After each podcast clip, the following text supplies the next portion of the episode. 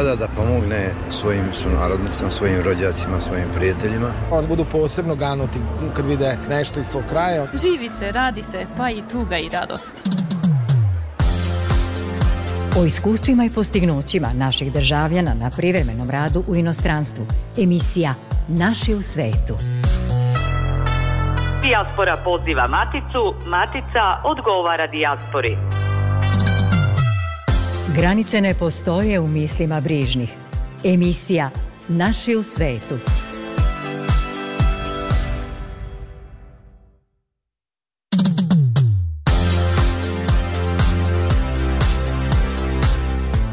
19 časova i 5 minuta. Dobroveče poštovani slušalci, dobrodošli u emisiju koja je posvećena vezi matice i rasejanja i uspesima naših ljudi širom sveta. U narednih pola sata sa nama će biti profesor fizičkog vaspitanja i sporta i humanitarac u Kuvajtu Marko Nikolić, koji je svojim poduhvatom krosom kroz marokansku pustinju pomogao u sakupljanju novca za lečenje dečaka iz Niša.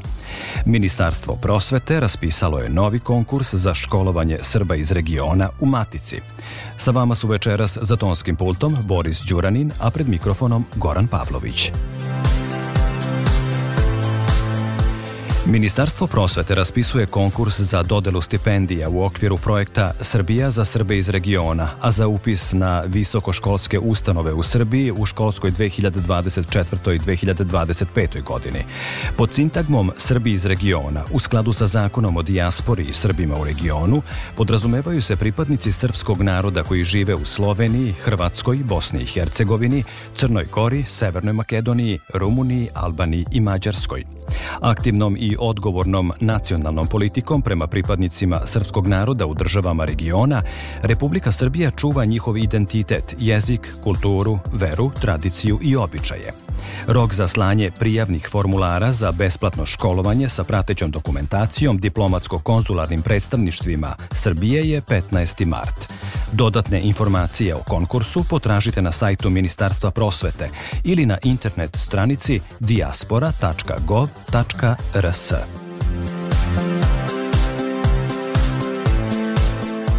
U Beču je održan jubilarni 25. Svetosavski bal u organizaciji udruženja Srpski centar. Manifestacija tradicionalno okuplja srpsku dijasporu i njihove brojne goste iz sveta kulture, privrede, politike. Balu je prisustvovao i austrijski kancelar Karl Nehammer. Važan segment bala u Hofburg palati, koji je okupio oko 2000 ljudi, je i humanitarni. Donaciju od 20.000 evra dobio je Banjalučki Down Syndrome centar. Emisija Naši u svetu.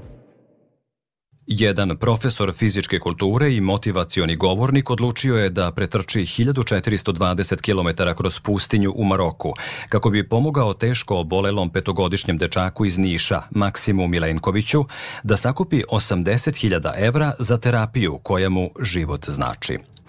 Humanitarac o kojem sve više pišu u mediji u regionu poreklom je iz Vranja, a svoju životnu luku trenutno je pronašao u Kuvajtu na poslovima fitness menadžera. Sa nama je u emisiji Naši u svetu Marko Nikolić, čovek koji se svojim radom uvrstio u red nezvaničnih, ali i neupitnih humanitarnih ambasadora naše zemlje u svetu. Čast mi je razgovarati sa vama. Dobrodošli u program Radio Novog Sada, Marko. Hvala što ste me pozvali. Dobar dan. Nedavno ste završili maraton kroz pustinju u dužini, rekoh, od 1420 km, 28 dana. Niste smeli da koristite ni jedno prevozno sredstvo. Video sam na jednoj fotografiji da sasvim, može se reći, lepo izgledate u avionu gde ste dočekali i novu godinu, ali me ipak zanima kako ste jer vaš višednevni poduhvat svakako ima i svoju žrtvu, pre svega kada je reč o zdravlju vaših nogu. Mogu da kažem da me sad tek onako sve stiglo. Bilo je mnogo teško, zaista. Izgubio sam negde oko 7 kilograma. Umoran sam, već imam neke manje grčeve u mišićima, ali ok, proći će sve. Mali Maksim, kome ste pomagali u ovom poslednjem poduhvatu i sakupili 60.000 evra za lečenje inovativnom terapijom u Nemačkoj, ima problem sa motorikom i boluje od redkog genetskog oboljenja, ne može normalno da živi i da se razvija, iako je rođen kao zdravo dete, kompleta terapija je 200.000 evra, prikupljeno je 120.000 kojima dodajemo još 60.000 evra od vaše humanitarne akcije, za njega se duže vreme prikuplja novac za lečenje, pa ste se i vi jednog trenutka odlučili da se priključite toj akciji. Možete li se, Marko, prisetiti tih trenutaka kada donosite jednu takvu odluku? Teško je prvo doneti odluku da, ovaj, uopšte da, da se krene ovako nešto, jer treba tu dosta toga. Prvo, kada se planira sam projekat, treba dosta vremena. Prvo, sve polazi od ideje, ovaj, treba da osmislite tu ideju, da napravite tu ideju i za to treba isto vremena da vam dođe ta ideja u glavi, e onda posle dolazi do realizacije te ideje. Tako da je za to potrebno stvarno mnogo vremena. Nije to kao, ej, idem da se prijavim za neku trku, za neko takmičenje, imamo tamo sve. Ovo je planirano više od godinu dana da kažem ovaj tako da sve što se tiče i fizičke spreme i logistike pre svega i celokupnog plana da kažem ce, celokupna ova strategija kada krenuti, odakle, dokle, koliko kilometara, šta će se dešavati na tom putu, šta može da se desi, isto što se tiče opreme, mnogo bitna stavka, šta poneti, šta kupiti i sve to ostalo. Sve je bilo super. Marko je bio uvek ispred mene, a Dušan iza mene. Prvog dana vreme je bilo odlično, toplo i bez vetra. Pravili smo pauzu na svakih 20 km. Plan je bio da svakoga dana prelazim između 70 i 90 km.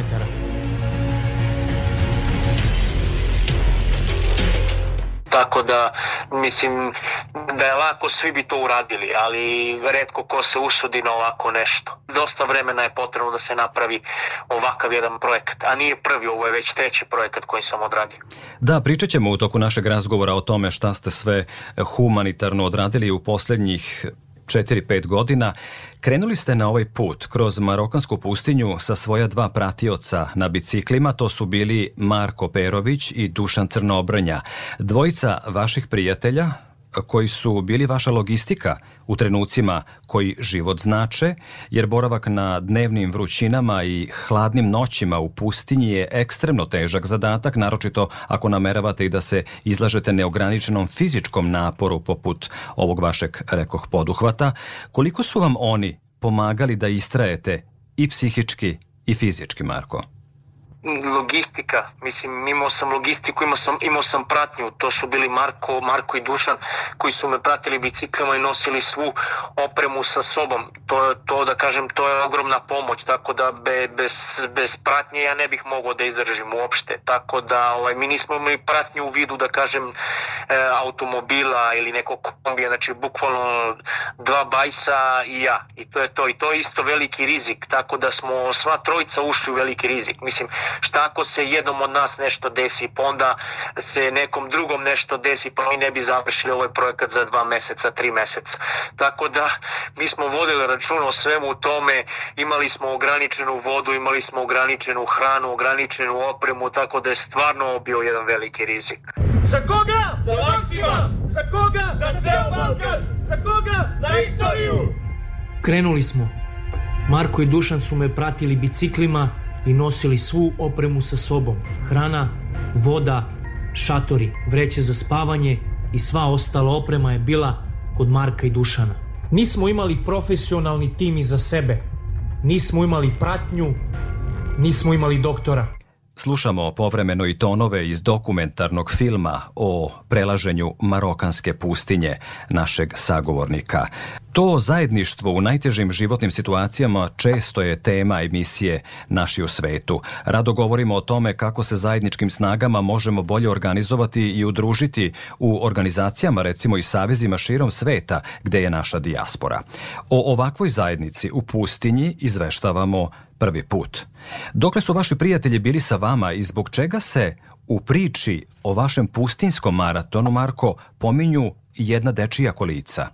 Kada su Marko i Dušan odustali, kada, kada im je pozelo, a, nismo znali da li će oni da nastave sa mnom, a mislim nisam, nisam mogu da čekam nekoliko dana da bi sad videli kako se oni osjećaju, tako da sam ja njima rekao, ovaj, momci, ako vam ne bude bilo bolje, e, sutra moram da nastavim sam. Tako da prvo, prvo sam razmišljao da ovako krenem ono da stavim samo u nekom rancu da kažem hranu, vodu i to je to. Idem dok, dok ne padnem negdje, mislim ono dajem se od sebe pa vidjet ćemo šta ćemo i kako ćemo.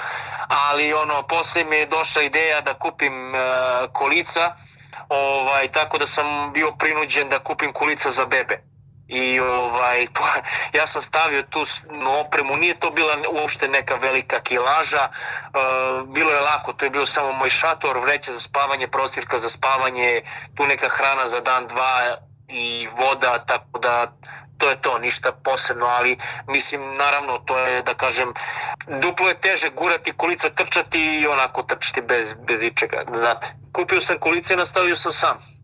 Delovi tog vašeg poduhvata kroz Marokansku pustinju mogu se videti i u prvom i drugom delu dokumentarnog filma koji se može pronaći na internetu, o tome ćemo nešto kasnije. Kažete da su vas Marko i Dušan zbog zdravstvenog stanja morali napustiti u tom pustinskom maratonu. Kako su vaši pratioci, vaši drugari danas, jesu li ozdravili?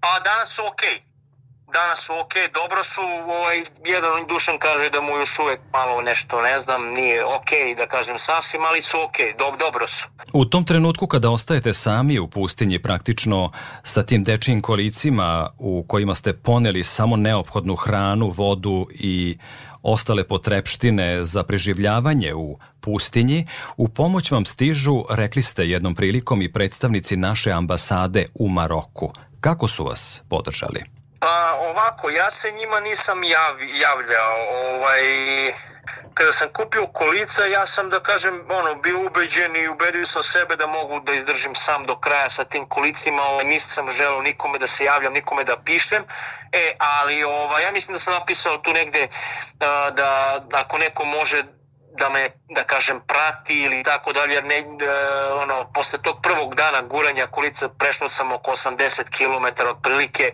ovaj, bilo mi je mnogo teško i tako da bih morao da pravim češće one pauzu, da kažem celodnevne pauze, na primjer jedan dan trčim sa kolicima i onda jedan dan pravim pauzu, jedan dan trčim, jedan pauza, tako da bi onda ja završio mnogo duže nego što, sam, što je bilo planirano.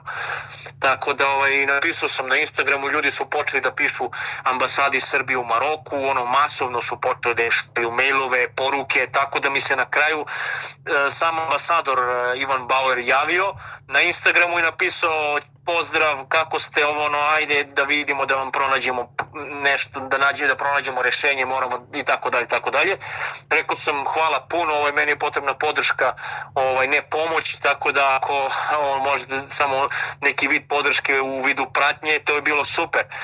Tako da, eto, dali su oni sve od sebe, ambasada Srbije dala sve od sebe, iskreno oni su za tri dana pronašli pratnju, pronašli su, da kažem, nekog tamo vozača i nekog eh, prevodioca, o, tako da to je to, eto.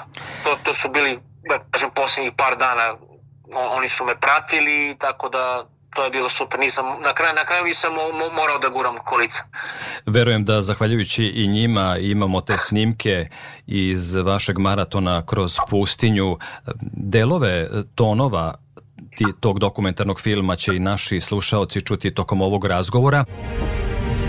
Ono što me guralo napred kada je bilo teško je sama pomisao da nekome možemo spasiti život. Konfučije je jednom rekao Nije bitno koliko sporo ideš sve dok ne staneš.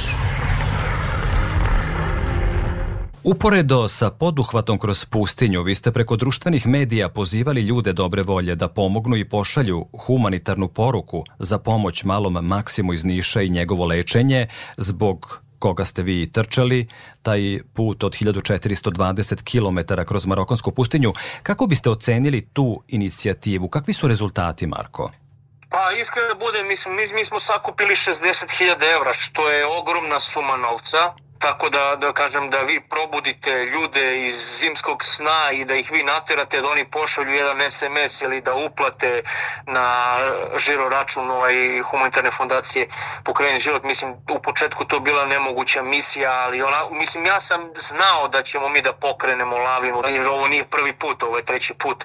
Tako da prvi put smo sakupili 80.000 evra, drugi put smo sakupili preko 20.000 evra, evo sad smo sakupili 60.000 evra i ti ljudi čuju za vas šta vi radite, šta vi planirate da uradite i ljudi krenu da vas prate i vi bukvalno kroz ceo vaš put vi apelujete na ljude da šalju poruke do plaću. I ljudi onda kažu pa čekaj ako on može da rizikuje tamo u pustinji život i tako dalje, mogu ja da pošaljem iz kreveta jedan SMS. Mislim ovo je najbolji vid sakupljanja novčanih sredstava za, za, za lečenje.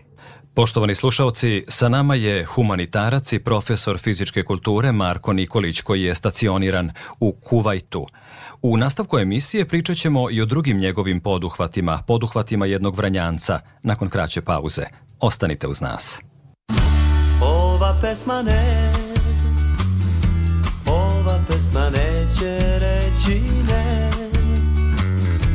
Ova pesma zna da kaže da,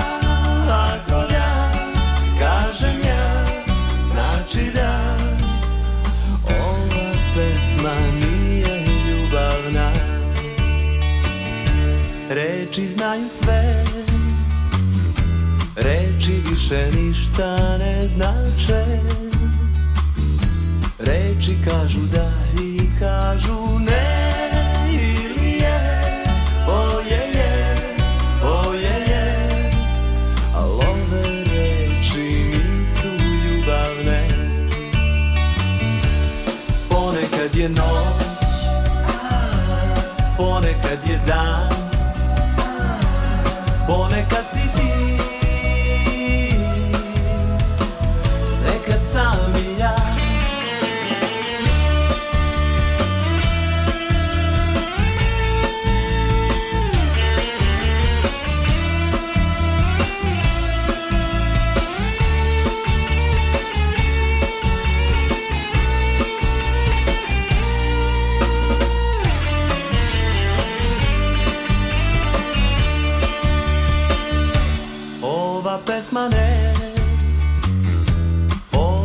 Pesma neće reći ne.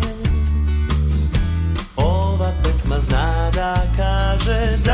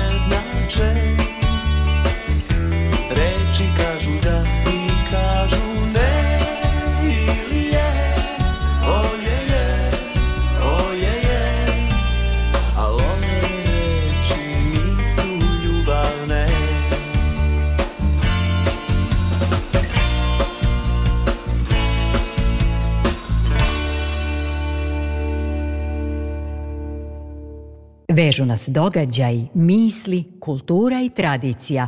Emisija Naši u svetu. Humanitarac rodom iz Vranja sa trenutnim sedištem u Kuvajtu, Marko Nikolić je sa nama. Pričali smo o vašem humanitarnom poduhvatu maratonu kroz marokansku pustinju u kojem ste prikupili 60.000 evra za lečenje malog Maksima iz Niša koji treba da ide na terapiju u Nemačku.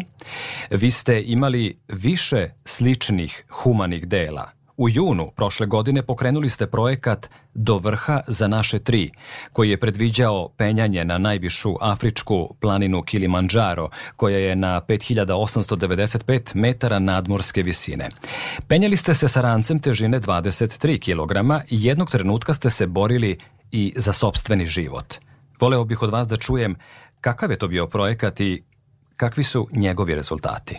Plan je bio da osvojim e, vrh, jedan od najvećih vrhova sveta Kilimanjaro, ovaj, u Africi, skoro 6000 metara nadmorske visine sa rancem teškim uh, preko 23 kg. Ovaj, I osvojio sam uh, najviši vrh uh, Afrike u Huru Pik koji je na, 8, na, na 5895 metara nadmorske visine u roku od uh, 4 dana, tako otprilike. 3-4 dana. O, bilo je mnogo teško, mislim, ono, kako da kažem, veoma niske temperature, meni su vodiči rekli na 4600 metara, rekli su mi Marko, ovaj, dobro, dogurao si do 4600 sa skoro 30 kg, kao sad dajemo ti savet, ostavi tu opremu, ostavi te tegiće ostavi taj ranac i ponesi samo ono najneophodnije vodu i jaknu, da to je to, ništa drugo. Niko ne nosi gore, ovaj, mnogo je opasno kažu ono. Ja kažem, ne, ne, ako sam došao od ovde sad, sa, sa ovom težinom idem do kraja, znači ono, nosim taj ranac da sam stavio te tegiće, ovaj, tako da od 4600 metara kada smo krenuli u ponoć, to je bilo stvarno ono, kao, kao u horror filmu, ovaj, nismo videli ništa ispred sebe, ovaj, jedan vodič je bio sa mnom, a drugi vodič je bio sa jednim mojim drugim prijateljem, pošto smo krenuli ja i jedan moj prijatelj ovde iz Kuvajta, a, on mi je pravio društvo. Počela je borba za život, mislim ono, bilo je mnogo teško. I onda smo ostali tu, ono, ja sam počeo da spavam, ono, da se uspavljujem, on me budio kao nemoj da zatvaraš oči, nemoj da spavaš, nemoj da spavaš, bukvalno mislim telo se gasilo, nemam više energije, gotovo, to je bilo ono, ne znam, kraj. Tako da ovaj, posle je taj drugi vodič došao do nas, dao mi je čokoladicu i dao mi one urme, ovaj, dao mi je onaj orange juice da popijem, oni kažu pole pole, to znači u prevodu polako polako. A ja onako da kažem ono fizički spreman pun, pun adrenalina, hteo sam ono da izazovem sebe da za što kraći vremenski period izguram gore sa, sa težinom. Hvala Bogu, mislim izgurao, izgurao sam na kraju ovaj do vrha, osvojio sam najviši vrh Afrike, to tih dva dana je bilo ono, da kažem, pakleno. I da podsjetimo naše slušaoce, u tom nekom aktu u kojem ste ugrozili sobstveni život, vi ste zapravo rešili da akcijom do vrha za naše tri vranjanke obezbedili ste 60.000 evra za njihovo lečenje.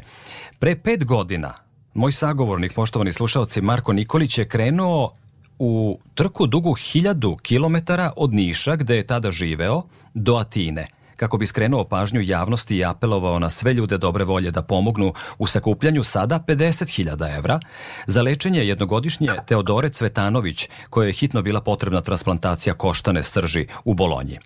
O tom vašem poduhvatu smo razgovarali pre godinu i po dana u ovoj emisiji Radio Novog Sada Naši u svetu. Predlažem našim slušalcima da čujemo deo tog intervjua, ondašnjeg, u kojem ste i nešto dodatno obećali. Kao motivacioni govornik stalno se osvrćete i apelujete na pomoć ugroženima. Kako biste, Marko, opisali taj vaš humanitarni podvig do Atine i imali ljudi koji su vam se našli kao pomoć i logistika u tome? To, to se dešava samo jednom u životu i to je nešto nevjerovatno što mi se desilo i pokušao bih nešto ponovo. Tako da ovaj, ja sam i razmišljao o tome da sledeće godine ponovo napravimo jedan projekat i vidjet ćemo, vidjet ćemo. Tako da to je u planu, razmišljamo o tome i nadam se da će biti. Da, imao sam logistiku, jer moj prijatelj i moja prijateljica, oni su krenuli sa mnom, pratili su me automobilom i sve je bilo ok. Tako da ovaj, mogu reći jeste, bilo je previše teško, naporno, ali na kraju smo uspeli. To je trajalo negde oko 22 dana koliko se sećam.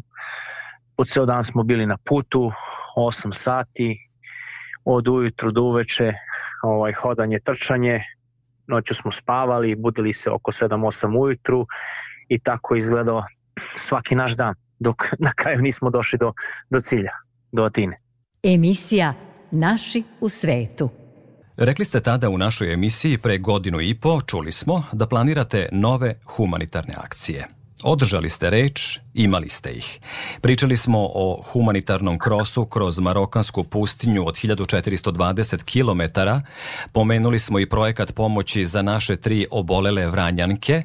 Na nedavnim fotografijama na društvenim mrežama video sam vas kako ste vedri dočekali novu godinu u avionu na putu ka Kuvajtu, gde radite kao fitness menadžer. Vraćamo se iz jednih prirodnih pustolovina u drugu, u Kuvajt, u zemlju Bliskog istoka. Ljubitelj ste avantura, to smo davno zaključili. Kako ocenjujete život u Kuvajtu? Jesu li vam se ostvarili snovi tamo, Marko? Ovaj, pa jesu, mislim, meni je to bio neki, da kažem, kad, dok sam živeo u Srbiji, e, ja sam imao svoj fitness centar bio sam ambasador mnogih, da kažem, velikih kompanija u Srbiji i ovaj, pored toga sam držao i personalne treninge i počeo sam da pišem knjigu i tako dalje. Teo sam da spojim ovaj sport, uh, humanost i motivaciju, da napravim nešto, nešto posebno, nešto specifično, nešto, da kažem, stvarno dobro. I ovaj, naravno, za to su sve bile potrebne velike financije, a ja u tom trenutku nisam imao, da kažem, toliko financija, tako da sam ja morao da napustim Srbiju i da, da odem za Kuvajt. To je bilo, da kažem, jedino rešenje, jer sam ja hteo da nastavim sa ovim projektima i sa ovim podvizima. Hteo sam zato što sam to posle prvog prvog puta stvarno zavoleo i rekao sam daj da napravim nešto sledeće. A da nisam otišao u Kuvajt, ja ne bi, ne bi otišao i na, na Kilimanjaro, zato što je to stvarno, za, za to je potrebna velika suma novca. Mislim, ja sam, ja sam za Kilimanjaro dao 5000 eura i za Maroko sam dao 5000 evra. To je bilo u roku od par meseci. Tako da, znate sami, mislim, zaraditi 10.000 evra u Srbiji i dati na ovakve projekte za par meseci stvarno je suludo, ali tako? Tako Možete je. se složiti sa mnom. Tako, Tako je, da, ali... eto, to, je, to, je, to je ljubav, to je ljubav. Ja ništa nisam dobio. Ljudi misle da je to neka promocija, ja, ja, ja, ja njih pitam, izvinite, šta sam ja dobio? Ja sam dobio neki, da kažem, da sam, do- ja sam dobio posao ministra, ja sam dobio, ne znam, ja sam dobio stvarno nešto, da kažem, stvarno je, ovaj, razumete, znači ja ništa nisam Razumem dobio. vas jako dobio dobro. sam to što, što sam dobio sam to što sam da kažem ono što su me te žene zavolele što sam se borio za njihov život što što me zavolela maj Maksimova mama a, Maksimov tata tako da to je to je ljubav koja ne može da se opiše to to poznanstvo i tako da za to se živi, to, to nema cenu. Tako da, eto, to sam dobio. A što se tiče nekih para i ostalih stvari, mislim, to ljudi mogu da pričaju do sutra. Ja živim u Kuvajtu, znači ne, neka pričaju, čekajte, ej, momak iz Kuvajta koji živi šest godina, on je došao tamo da spašava neko dete iz Niša. Ako me razumete, što niste vi iz Niša ili iz Beograda ili iz Kragujevca uradili nešto za nekog vašeg komšiju nego je došao Marko iz Kuvajta koji živi u šest godina, koji je sebe, da kažem, osigurao i radi, ima svoj posao i svoj biznis, tako da razumete me. Tako da Razumem ne vas, vide apsolutno. Vidite, vi kažete da ljudi razmišljaju da ste vi sebe osigurali u Kuvajtu. Ja mogu sa tim da se složim odavde. Vi ste sebe osigurali u Kuvajtu, snašli ste se tamo, ostvarili ste, ako mogu tako da zaključim, svoj neki san. Ali ono što ste zaradili, vi ste dalje uložili u humanitarne svrhe. Mogli ste lepo i konforno da živite u Kuvajtu, međutim vi nikada niste zaboravili rodni kraj i svoju zemlju porekla. Uvek ste pomagali ljudima koji su ugroženi sa ove teritorije, dakle iz Srbije i čovek ste koji zaista svojim poduhvatima izaziva drhtavicu u glasu bilo kog ko sa vama ozbiljno razgovara o tome šta vi radite u životu i čemu ste posvećeni. Rekli ste Marko ranije da su kuvajćani veoma srdačni ako im se predstavite kao pošteni i posvećeni poslu. Da li se nešto u tom smislu promenilo ili unapredilo? Ovo nije se ništa promenilo. Ja sam ovde baš ono stekao stvarno dobre prijatelje, dobre poznanike koji su uvek tu spremni da pomognu, da izađu u susret. Ovo je mirna zemlja, tako da, eto, mislim, što se tiče ove pustinje Maroka, odlična je stvar ovaj Kuvajt, da kažem, pošto ja živim šest godina u Kuvajtu i moje telo se naviklo, adaptiralo na, da kažem, na, tak, na te uslove. Verovatno sam i zbog toga izdržao do kraja. Ni, ništa mi nije snašao, da kažem, da se razbolim ili da nešto bude ono, nešto loše. Tako da, eto, a što se tiče samog života u Kuvajtu, mislim, zadovoljan sam ovde, ostaću ovde još, ne znam, još vidjet ćemo, sve zavisi. Kako ljudi dobre volje koji bi da se priključe vašim motivacionim i humanitarnim akcijama mogu da vas pronađu? Na kojim internet adresama, Marko? Pa ovaj, Facebook stranica a, Motivacija Marko Nikolić i Instagram profil Marko Nikolić 86. Predlažem da čujemo još jedan snimak našeg razgovora za emisiju Naši u svetu od pre godinu i po dana. Kuvajt je zemlja prirodnog bogatstva koja je po tome poznata u svetu. I Srbija ima svoja bogatstva koja su neretko rasuta po svetu. Mnogi su narodnici su bolji život potražili u drugim zemljama i tako postali intelektualni kapital koji se uvećava i na koji jednog dana želimo da se oslonimo i ugledamo ovde u Matici po njihovom povratku.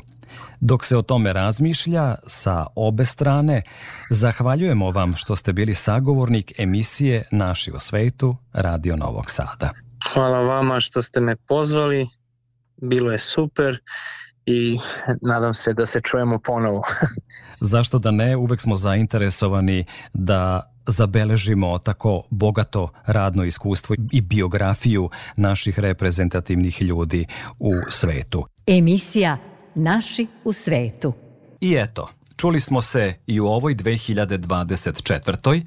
zato što ste svojim talentom i humanitarnim radom zaokupili pažnju regiona. Naš razgovor završio bih jednim vašim motivacionim tekstom. Veoma je autentičan i čini mi se izuzetno realan. Početak citata. Zapamtite jednu bitnu stvar. Nemojte nikada nikome da se pravdate. Neki ljudi su ljubomorni i puni kompleksa. Šta god da uradite, neki ljudi vam neće verovati i to je okej. Okay. Nekim ljudima smeta vaša energija i smetaju im vaša dela. Sve što radite, radite zbog sebe, a ne da bi se nekome tamo dokazivali. Bitno je da vi znate da sve što radite, radite čistog srca. Nastavite da sijate. Ljudi će svakako uperivati prst u vas. Tako mora da bude. Bitno je da oni pričaju o vama. I dok je vaš pogled uperen u nebo, njihov pogled je uperen u vas. Završen citat To su reči Marka Nikolića, našeg humaniste, motivacionog govornika i profesora fizičke kulture u Kuvajtu. Neka vam je srećna i ova nova godina. Hvala što ste bili deo emisije Naši u svetu i ovog puta, Marko. Hvala što ste me pozvali. Drago mi je. Istim putem u oba smera. Emisija Naši u svetu.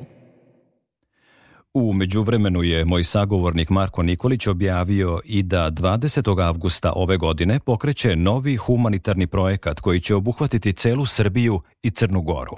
Kajak 200 km, bicikl 1600 km, trčanje 700 km za 30 dana.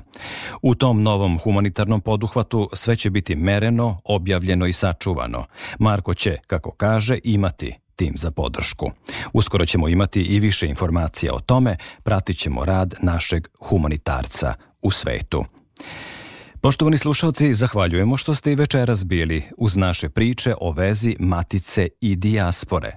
Sve informacije u vezi sa emisijom potražite na Facebook stranici Naši u svetu RTV. Čujemo se i narednog petka od 19.05. Prijatno veče.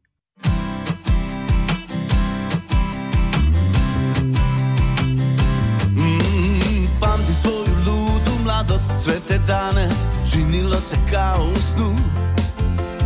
Volija sam kako hoda, smije se i kako zrači vibru tu.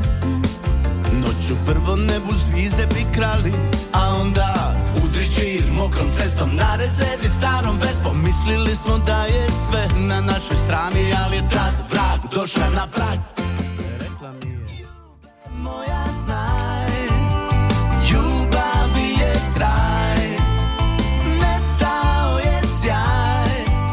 će proći Kad sklopiš oči. Rekla mi je. Ljube moja znaj Ljubavi je kraj. Nestao je sjaj Ove noći.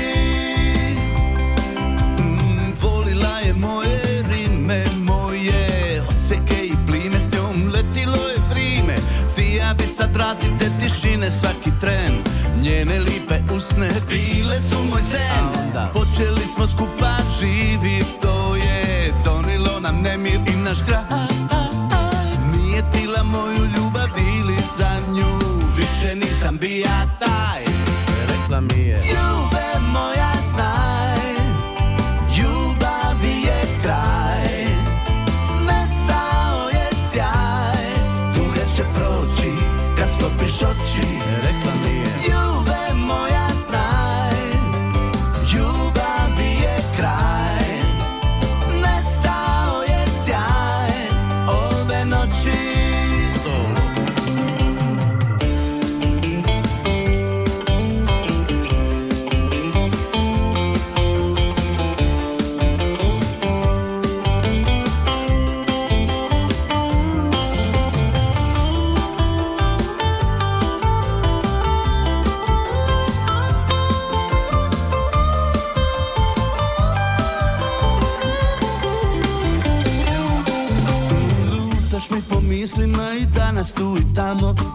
ja bi te ponekad zvat. Kada dođu hladni dani Kad se zimi noću minja sa Da te opet dušo kradem pismom Da ti fali čir mokrom cestom Na rezervi starom vesmom Pa se sitim svih tih dana Znaj, ajde jednu još nam šansu daj. Ajde! Moja